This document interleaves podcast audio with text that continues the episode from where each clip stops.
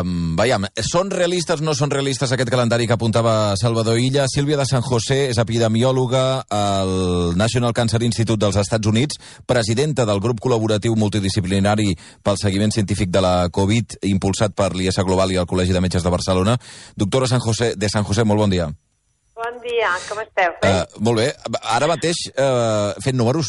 o sigui, traient, Molt la, bé, cal- números. tra traient la calculadora, perquè, sincerament, uh, el ritme de vacunacions hauria de, de créixer moltíssim per, per quadrar les xifres que deia el ministre Illa ahir. Ara estaven fent uns números ràpids. Clar, tot depèn de les paraules, a vegades, també, no? Perquè no és el mateix vacunar que immunitzar, eh, no? De posar les dues dosis. Si fossin les dues dosis i es volgués eh, vacunar el 70% de la població espanyola, és el que dèiem abans, 32 milions de persones eh, amb 30-35 setmanes, això és el ritme de 2 milions de vacunes al, a la setmana. Estem en un registre ara de mitjana que ha anat accelerant-se de 250.000 dosis setmanals a Espanya, eh, que evidentment l'última setmana més alta que la primera. Um, és realista? Jo crec que el primer que hem de saber és si aquestes vacunes estan ja comprades i si hi ha uns plans perquè arribin. O sigui, primer hem de tenir les vacunes.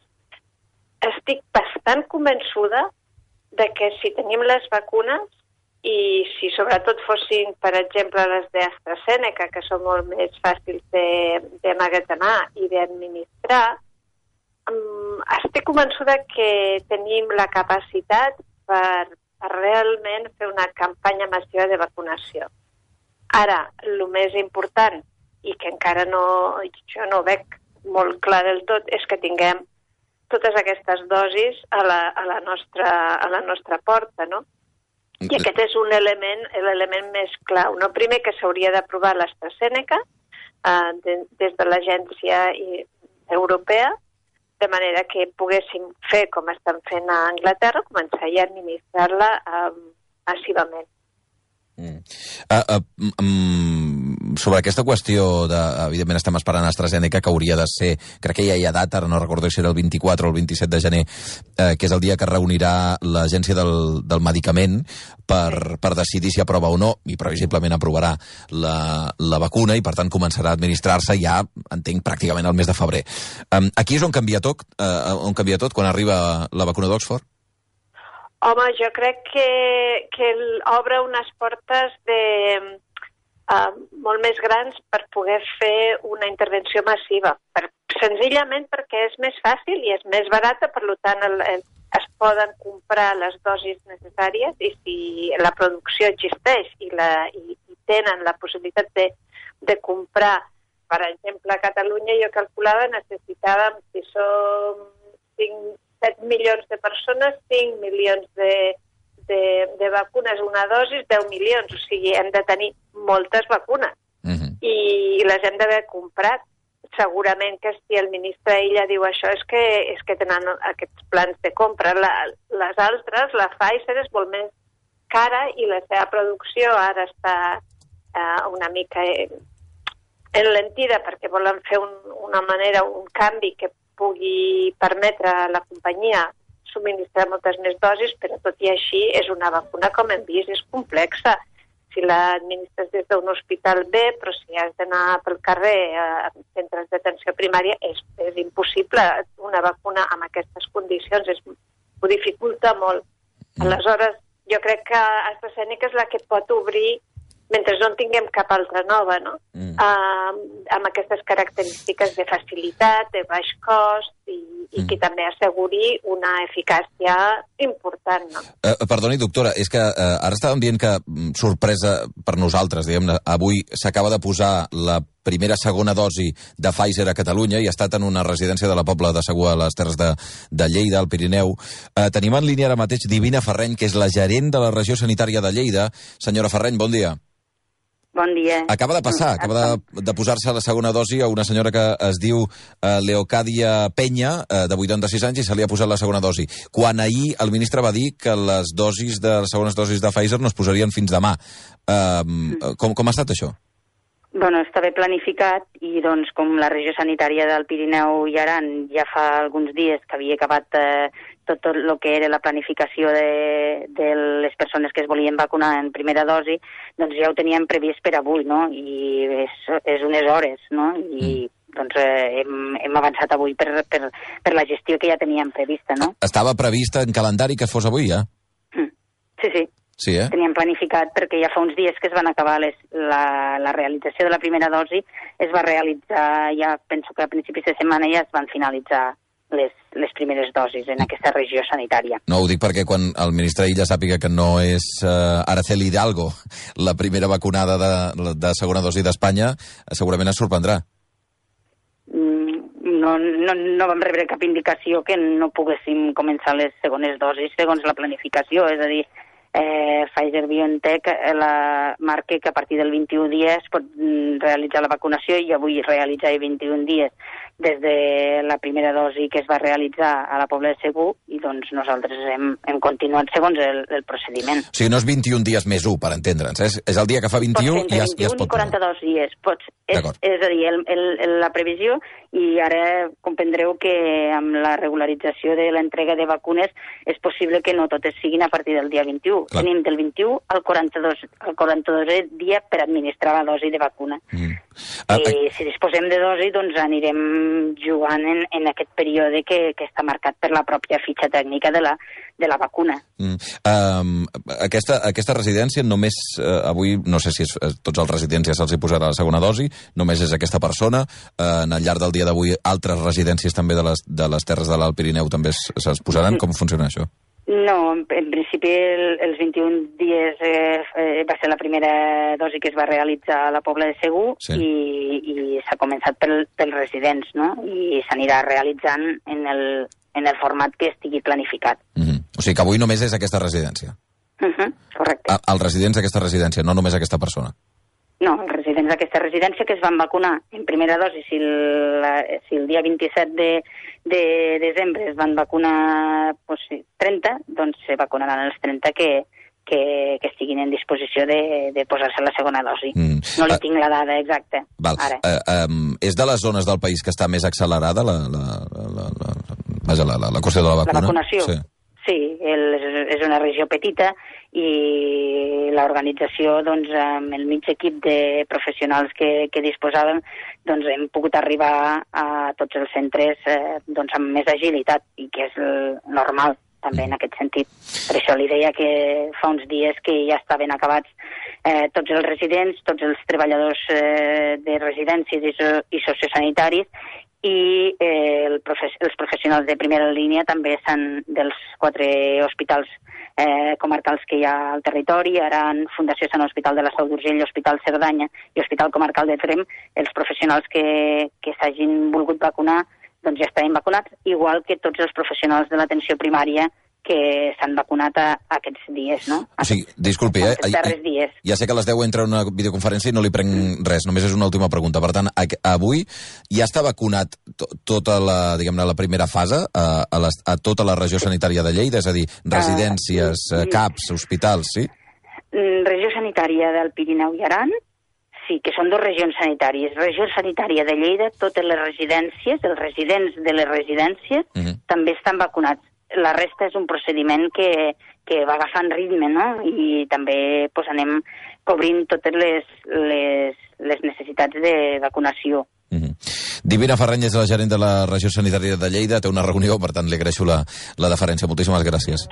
Bon dia. Bon dia. Eh, érem amb Sílvia San José, vaja, eh, eh, no sé, ja no és tant la sorpresa perquè, perquè eh, no ens constava a nosaltres que s'hagués avui de posar la segona dosi. De fet, eh, gairebé que l'anunci que es va fer als mitjans de comunicació és que la segona dosi també a Catalunya començaria per la feixa llarga de l'Hospitalet, que és on va començar la primera, eh, per tancar el cercle, i seria demà. Per tant, eh, vaja, en tot cas, s'ha avançat a Lleida perquè ja ho tenien fet i, i s'hi han posat a, a seguir vacunant, cosa que des d'un punt de vista racional ja, ja, ja està bé, però segurament des des d'un punt de vista comunicatiu eh, no ho està tant de bé eh, des d'un punt de vista també comunicatiu de, de, les, de les diverses conselleries. Bé, um, estàvem parlant d'aquesta vacuna d'AstraZeneca i, de, i de Pfizer.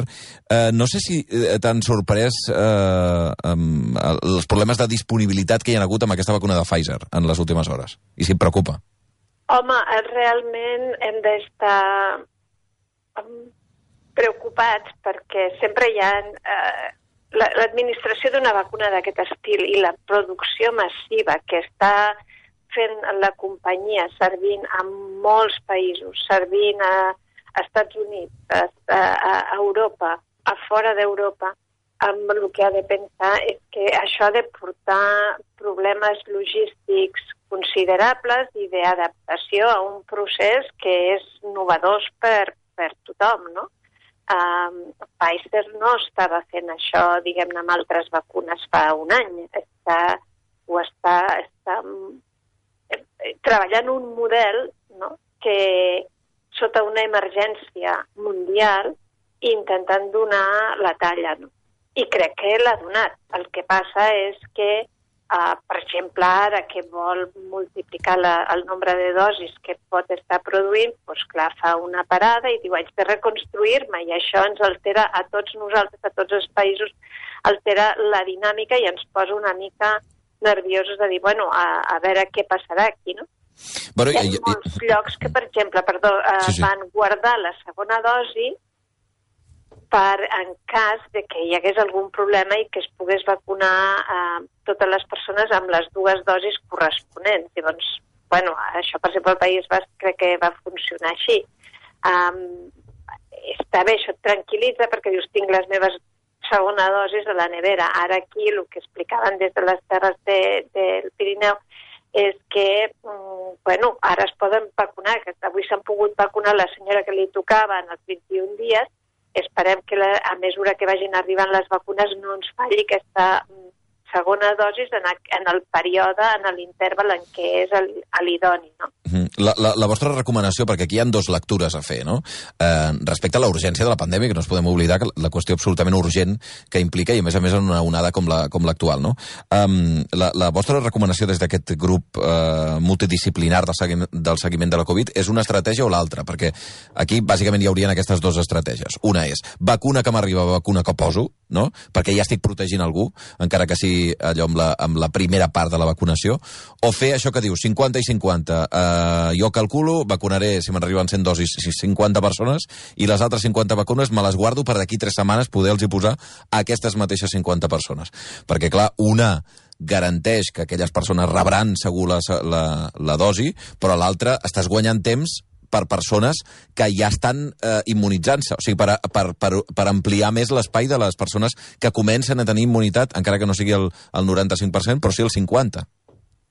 Nosaltres com a comissió ho estem considerant pràcticament cada dia estem revisant tot el que surt, tota la literatura, intentant veure uh, quina és la millor decisió. I sempre acabem, sempre hem acabat uh, les discussions mm, interpretant la literatura i el coneixement de la immunologia dient que és millor seguir les pautes que, que generades amb els estudis. Per tant, una persona que s'ha vacunat amb Pfizer hauria de rebre la seva segona dosis amb Pfizer amb l'interval recomanat i estudiat en els assajos eh, randomitzats i que és el que estableix, diguem-ne, l'evidència científica. Mentre no tinguem més eh, informació científica, no ens hauríem de moure d'aquest esquema, no? Mm. Um, um, tal com estem veient la, la vacunació ara mateix a, a casa nostra, um, està seguint un protocol correcte? És a dir, el ritme és, és acceptable o, o estem anant amb, amb massa retard, diguem-ne, respecte, per exemple, llocs com a... Tothom, tothom es fixa en Israel, no?, que, que han anat rapidíssims. Um, um, en aquest aspecte estem anant en, correctament o encara no? Jo sempre he, he estat dient aquests dies de que crec que la, la velocitat de, de vacunació, i ara ens explicaven, no?, que hi ha àrees a, a regions sanitàries a Catalunya que està ja fet tot en funció del nombre de vacunes que, que hi ha. O sigui, aquí lo important és tenir que ens arribin dosis de vacuna. I jo crec que podem accelerar la, com s'ha fet amb la campanya de la grip aquest any, no? de que quan això pugui entrar a nivell de primària o organitzat en centres de vacunació, el ritme pot ser altíssim, però el que estem és esperant les vacunes que ens arribin. No? Per tant, hi ha, dos, hi ha dos fenòmens. Un és la compra d'aquestes vacunes, si és que existeixen, si hi ha prou producció perquè en puguem comprar les necessàries, i crec que aquest és un equilibri que juga el govern amb la, amb la Comissió Europea i amb les companyies i que, per tant, estem una mica... No, no podem fer massa més que el que ells puguin adquirir eh, perquè ens arribin i també en funció de la producció de les companyies. I la segona és que un cop estiguin aquí sí que podríem uh, mirar quina és l'organització, si aquesta organització és òptima per, per administrar-les ràpidament. Mm. I aquí tenim milions de vacunes. Uh, jo crec que la crida de, de professionals i de persones que siguin capaces d'administrar aquestes vacunes um, serà molt ben rebuda i, i tots hi posarem el que calgui per ajudar amb aquesta organització i amb, i amb, i amb implementar la vacuna. Uh, per cert, um, s'ha debatut bastant els últims dies sobre la immunitat de grup, no? perquè durant mesos se'ns ha dit que la immunitat de grup era de, al voltant del 60%, que a partir del 60% de la població immunitzada eh, doncs vaja, ja es podria considerar que hi ha aquesta immunitat de ramat i que per tant les coses canvien, eh, però eh, després hi ha hagut experts que deien 70, 80, 90% de la població immunitzada. Eh, des del seu punt de vista, quina immunitat és necessària per tornar a una certa vida normal? Jo crec que quan se'ns va preguntar i, eh, quina era la, la, la cobertura de vacuna, eh, quanta gent havíem de vacunar per poder pensar que els no vacunats estiguessin eh, protegit, vàrem dir que en, en moltes vacunes aquest nivell l'arribes amb el 70, més o menys 70%. Mm. Però depèn del virus, depèn de la vacuna. En aquests moments, per què s'està pujant el dintell i per què estem dient que possiblement ha de ser més alt? Doncs és enfront d'aquestes mutacions que fa el virus, Uh, si aquesta infecció es transmet molt més ràpidament avui en dia, per exemple, amb la famosa variant que li diem a, a, a anglesa, mm, et necessitaria, si, si tens un virus que es transmet molt més, necessites tenir una cobertura molt més alta de la població i, per tant, la immunitat de grup no, no l'arribes amb un 70%, l'has d'incrementar perquè, perquè és un virus que va molt ràpid. I per això tots estem aprenent amb aquest virus perquè no coneixem el seu comportament, perquè no hi hem estat mai eh, enfrontat amb ell, amb aquesta, amb aquesta eh, seqüència genètica que té ara. D'aquí tres mesos a, a aquest virus pot ser molt diferent del que tenim ara. Per això la urgència d'activar al màxim la vacunació per tal de frenar el virus que tenim avui present. Mm. I la immunitat de grup pues l'anem la, tantejant, però no tenim prou dades per saber si és, si és 80, 70 o 90, i dependrà de les mutacions que aquest virus faci. D'acord. Um, I una darrera pregunta que té a veure amb, amb aquesta estratègia de vacunació. Ahir el ministre Illa ja apuntava que ara estem a punt d'arribar ja al moment en què s'ha vacunat el primer gran grup, no? que són els, els, uh, els avis de les residències, almenys la primera dosi. Els avis de les residències, el personal sanitari, primera línia, etc etc. Um, crec que heu fet algun, des del vostre col·lectiu algun informe algun, uh, sobre la, els col·lectius que, que haurien de venir just darrere. Des del vostre punt de vista, quin és, uh, després d'haver vacunat els avis de les residències i el personal sanitari en general? Nosaltres vàrem eh, considerar que el, el següent grup seria els avis de més de 80 anys i després anar a 65, no? Mm -hmm. Si comencem els de 80 més, que, estan, que no estan ingressats en una residència i que, mm -hmm. per tant, són eh, gent activa i que que es poden mobilitzar en un centre i vacunar-se i que a més són molt vulnerables també perquè si s'infecten doncs tenen un risc de passar una malaltia molt més greu. No? Uh -huh. Després del, dels 80 sí, o 80 um, ja començaríem a, a, a agafar el grup d'edat de 60, podria ser 65 a, a, fins a 80, i aquí en aquest grup és on recollim la, la majoria de morbilitat, de malaltia crònica, que també fa que la persona sigui més vulnerable. Una persona de 65 anys amb una cardiopatia o amb una diabetes és molt més vulnerable que una que no en té i té només 65 anys. Però és tan complexa començar a definir grups de, diguem-ne, de malalties cròniques, qui té això, qui no ho té, que el criteri d'edat és molt fàcil d'implementar Mm. i sabem que, que matem dos pájaros en un tiro, no? Vull dir que Sí, sí. és una mica agafar els dos grups vulnerables perquè tenen edat i perquè tenen malalties cròniques més, més fàcilment que la gent jove. Per tant, aquest seria, per nosaltres va ser el grup que vam considerar que hauria de venir després dels, de, dels treballadors de primera línia. Mhm. Eh, per tant, mm, interessant això. Eh, veurem demà o els pròxims dies, perquè el ministre Illa ja va dir que ho dirien aviat, quins són els, els pròxims grups de vacunació, però des del vostre punt de vista, eh, els majors de 80 anys que no estiguin en residències, vull dir, ciutadans del carrer, i això implicarà que se'ls cridi, suposo, als CAPs per, perquè vagin a vacunar-se. El control serà una miqueta més complicat eh, que una residència, que es anava físicament allà i es preguntava avi per avi, i en aquest cas eh, serà una miqueta diferent. I el següent grup, els eh, jubilats, per entendre'ns, a partir de 65 anys fins a, fins a 80. En fi, doncs, mm, sí, digui, digui. El que jo no crec que sigui molt complicat. Ja s'ha fet per la, vacu per la vacunació de la grip, Mhm. s'ha s'ha establert molt bé una, un criteri d'entrar entre la meva salut, et, et, et demanen una hora, et donen un, un moment per vacunar-te, és ràpid, no, no hi ha problema. El problema és tenir una vacuna que sigui fàcil, no? Mm -hmm. No, eh, complicat no volia dir el procediment, sinó eh, garantir que, que hi ha molta gent que, que finalment acaba anant-hi, perquè eh, quan una persona ve fins a una residència, un grup de, de vacunadors veu fins a una residència, gairebé que pot anar porta per porta a dir eh, vostè vol vacunar-se, no vol vacunar-se, eh, en, el, en el moment en què senzillament envies un comunicat o, o fas saber a la població, eh, és la seva responsabilitat arribar, arribar fins, al, fins al cap, Sí, diguem-ne, no? sí, sí. Eh, que- aquesta és la diferència, volia dir. Eh? Um, doncs agraeixo moltíssim a la Sílvia de San José, que és epidemiòloga al National Cancer Institute dels Estats Units, presidenta d'aquest grup col·laboratiu multidisciplinari per al seguiment científic de la Covid, per tots aquests detalls. Moltíssimes gràcies. Gràcies a vosaltres.